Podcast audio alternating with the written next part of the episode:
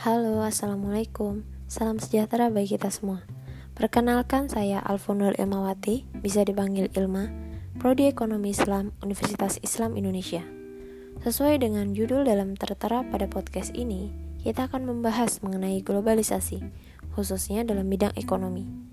Pertama-tama kita akan membahas Apa sih itu globalisasi? Sejak kapan globalisasi muncul? Nah, kita sudah tidak asing mendengar kata globalisasi Bentuk globalisasi itu banyak sekali, seperti telepon genggam kita saat ini, mobil dan motor yang kita kendarai, atau mungkin pakaian yang kita pakai merupakan salah satu bentuk globalisasi. Kata globalisasi diambil dari kata global yang bermakna universal. Jika dikaitkan dengan ruang lingkup bangsa atau internasional, maka mempunyai makna ruang lingkup dunia. Globalisasi merupakan suatu fenomena khusus dalam peradaban manusia yang bergerak terus dalam masyarakat global dan merupakan proses manusia global itu sendiri. Bangsa-bangsa di seluruh dunia saling berhubungan, bekerja sama, dan saling bermanfaat satu sama lainnya. Dunia seolah-olah kecil karena mudahnya berinteraksi dengan siapa saja di negara mana pun. Jarak, bahasa, dan perbedaan budaya sudah bukan suatu masalah yang berarti. Hal ini disebabkan oleh kemajuan ilmu pengetahuan dan teknologi informasi. Globalisasi sendiri merupakan istilah yang baru muncul sekitar 25 tahun yang lalu dan populer sekitar 10-15 tahun belakangan ini. Globalisasi mempengaruhi berbagai lini kehidupan, baik itu politik, ekonomi, sosial, budaya, dan lain-lain. Pembahasan selanjutnya mengenai pengaruh globalisasi. Globalisasi membuka gerbang informasi serta memudahkan berbagai kegiatan masuk di suatu negara, Hal ini mempunyai dampak positif dan negatif. Di Indonesia khususnya terdapat dampak positif, antara lain telepon genggam dan internet masuk ke Indonesia. Perkembangan dari sisi per pembangunan kota, infrastruktur, jaringan transportasi, pemikiran dan pemahaman terhadap ilmu pengetahuan dan teknologi, kemudian meningkatkan daya saing dan mudah mendapatkan berita dari berbagai belahan dunia. Selain dampak positif, terdapat dampak negatif, antara lain terkikisnya budaya daerah seperti gotong royong, tarian daerah, dan kesenian permainan daerah. Menjadikan masyarakat individualis, konsumtif, dan mengikuti gaya kebarat-baratan, baik dalam hal berpakaian dan rambut, serta yang lainnya. Globalisasi dalam bidang ekonomi dapat dilihat dari meningkatnya ketergantungan ekonomi negara-negara di dunia Bentuk nyata terjadinya globalisasi dalam bidang ekonomi yaitu adanya pasar bebas dan perusahaan multinasional. Pembahasan pertama itu mengenai pasar bebas. Pasar bebas itu merupakan terjadi karena adanya kebijakan free trade di dunia perdagangan yang telah disepakati secara internasional pada bulan April 1994 di Maroko atau lebih dikenal dengan General Agreement of Tariff and Trade GATT. Untuk menunjang keterbangsungan GATT ini, maka pada tahun 1995 didirikanlah World Trade Organization atau WTO guna mementoring negara-negara yang tidak mematuhi GATT. Selain WTO, terdapat pemain lain yang berperang dalam perdagangan bebas ini, yaitu NTC, Bank Dunia, dan IMF.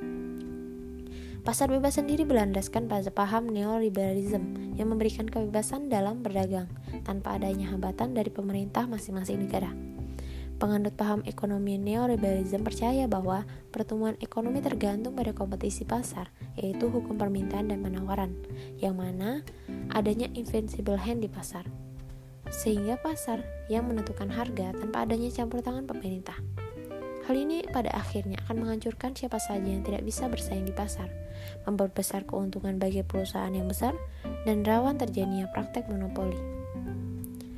Dalam pertemuan tahunan negara-negara ASEAN Pasifik, untuk meningkatkan perdagangan dan investasi, maka dibentuklah sebuah perjanjian perdagangan bebas pada tahun 2010. Nah, 2010 ini mulai diberlakukannya Free Trade Agreement atau FTA ASEAN Cina. Negara-negara ASEAN seperti Malaysia, Singapura, Brunei, Vietnam, Filipina, Kamboja, Laos, Thailand, Myanmar, dan termasuk Indonesia menyepakati perjanjian tersebut yang mana biaya masuk produk manufaktur Cina ke ASEAN maksimal 5%, sedangkan sektor pertanian 0% tanpa pajak sama sekali. Perjanjian tersebut sudah diberlakukan. Suka tidak suka, Indonesia termasuk di dalamnya. Bagi Indonesia sendiri hal ini dirasa merugikan pedagang lokal dan industri kecil menengah. Karena produk Cina memiliki kualitas yang kurang lebih sama dengan produk lokal dengan harga yang cukup bersaing atau bisa lebih murah dari produk lokal. Hal ini tentu saja tidak bisa dihindarkan. Tantangannya adalah bagaimana pemerintah bisa membuat kebijakan-kebijakan yang menguntungkan industri kecil serta menanamkan kecintaan terhadap produk dalam negeri. Pasar bebas sendiri mempunyai sisi positif, yaitu memberikan motivasi bagi pengusaha kecil dan menengah untuk bisa meningkatkan kualitas produksinya dengan harga yang bersaing serta proses produksi yang lebih efisien, sehingga tidak kalah dengan produk Cina yang beredar di pasaran. Hal ini akan menumbuhkan daya saing serta meningkatkan pertumbuhan ekonomi Indonesia menjadi lebih baik. Kedua, perusahaan multinasional. Perusahaan merupakan tempat kegiatan produksi dan berkumpulnya faktor-faktor produksi. Perusahaan multinasional adalah perusahaan yang memiliki cabang atau tempat usaha di banyak negara. Bentuknya berbagai macam, baik itu kantor, pabrik, atau kantor cabang. Hal ini dikarenakan pengaruh besar globalisasi sehingga memudahkan suatu perusahaan membangun kantor atau pabrik di negara lain.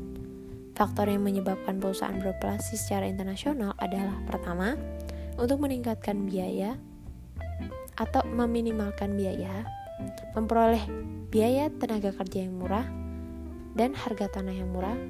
Faktor kedua yaitu dengan motif mencari pasar, sehingga memperluas lingkup penjualan serta memanfaatkan produksi yang banyak.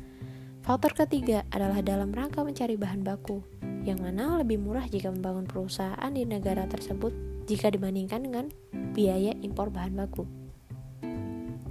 Kehadiran anak perusahaan atau perusahaan cabang di suatu negara akan memberikan keuntungan, yaitu pajak yang cukup besar sehingga menambah pendapatan negara serta membuka lapangan pekerjaan bagi negara yang terdapat cabang perusahaan tersebut. Akan tetapi, pada kenyataannya, pabrik-pabrik yang dibangun di negara berkembang seperti Indonesia tidak mensejahterakan rakyatnya. Karena buruh atau pekerja tidak puas dengan upah atau kebijakan dari pemerintah yang hanya pro terhadap pengusaha besar. Lihat saja, Apabila suatu perusahaan untung besar, maka artinya perusahaan mendapatkan penjualan yang banyak.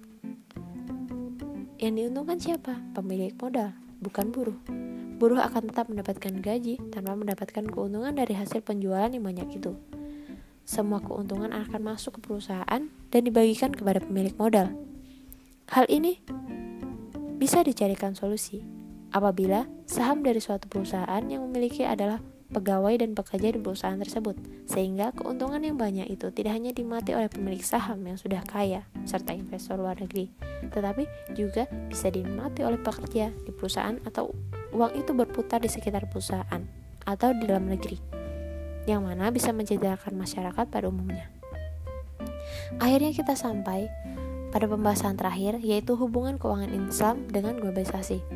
Dalam Islam, globalisasi bukanlah hal yang baru, pada zaman Rasulullah SAW, globalisasi sudah terjadi, yaitu ketika Nabi dan para sahabat melakukan perniagaan ke Mesir, Syam, Irak, Yunani, Turki, dan Spanyol. Globalisasi dalam Islam tidak mengenal diskriminasi, karena dalam Islam, satu suku bangsa dengan suku bangsa lainnya tidak ada perbedaan, sehingga interaksi secara global khususnya perdagangan internasional menggunakan pendekatan keadilan, yang dilandaskan pada persaudaraan, tolong-menolong, dan saling bermanfaat tanpa diskriminasi. Dalam ekonomi Islam, globalisasi harus mengutamakan masalah maslahah, yang mana perdagangan bebas tujuannya bukan untuk memperkaya diri, tetapi bermanfaat bagi banyak orang.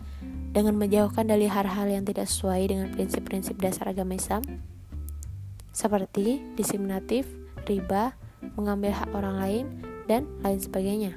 Selain itu, dalam perkembangan ekonomi di era global, saat ini untuk lebih memperhatikan etika dalam setiap aktivitas ekonomi. Nilai moral atau etika mempunyai tugas menciptakan keharmonisan sosial guna mereduksi kesenjangan antara kepentingan individu dan sosial. Baik, sekian pembahasan kita kali ini. Semoga ada pengetahuan yang bisa dipetik. Kurang lebihnya mohon maaf. Terima kasih atas perhatiannya. Sampai bertemu di lain kesempatan. See ya. Wassalamualaikum warahmatullahi wabarakatuh.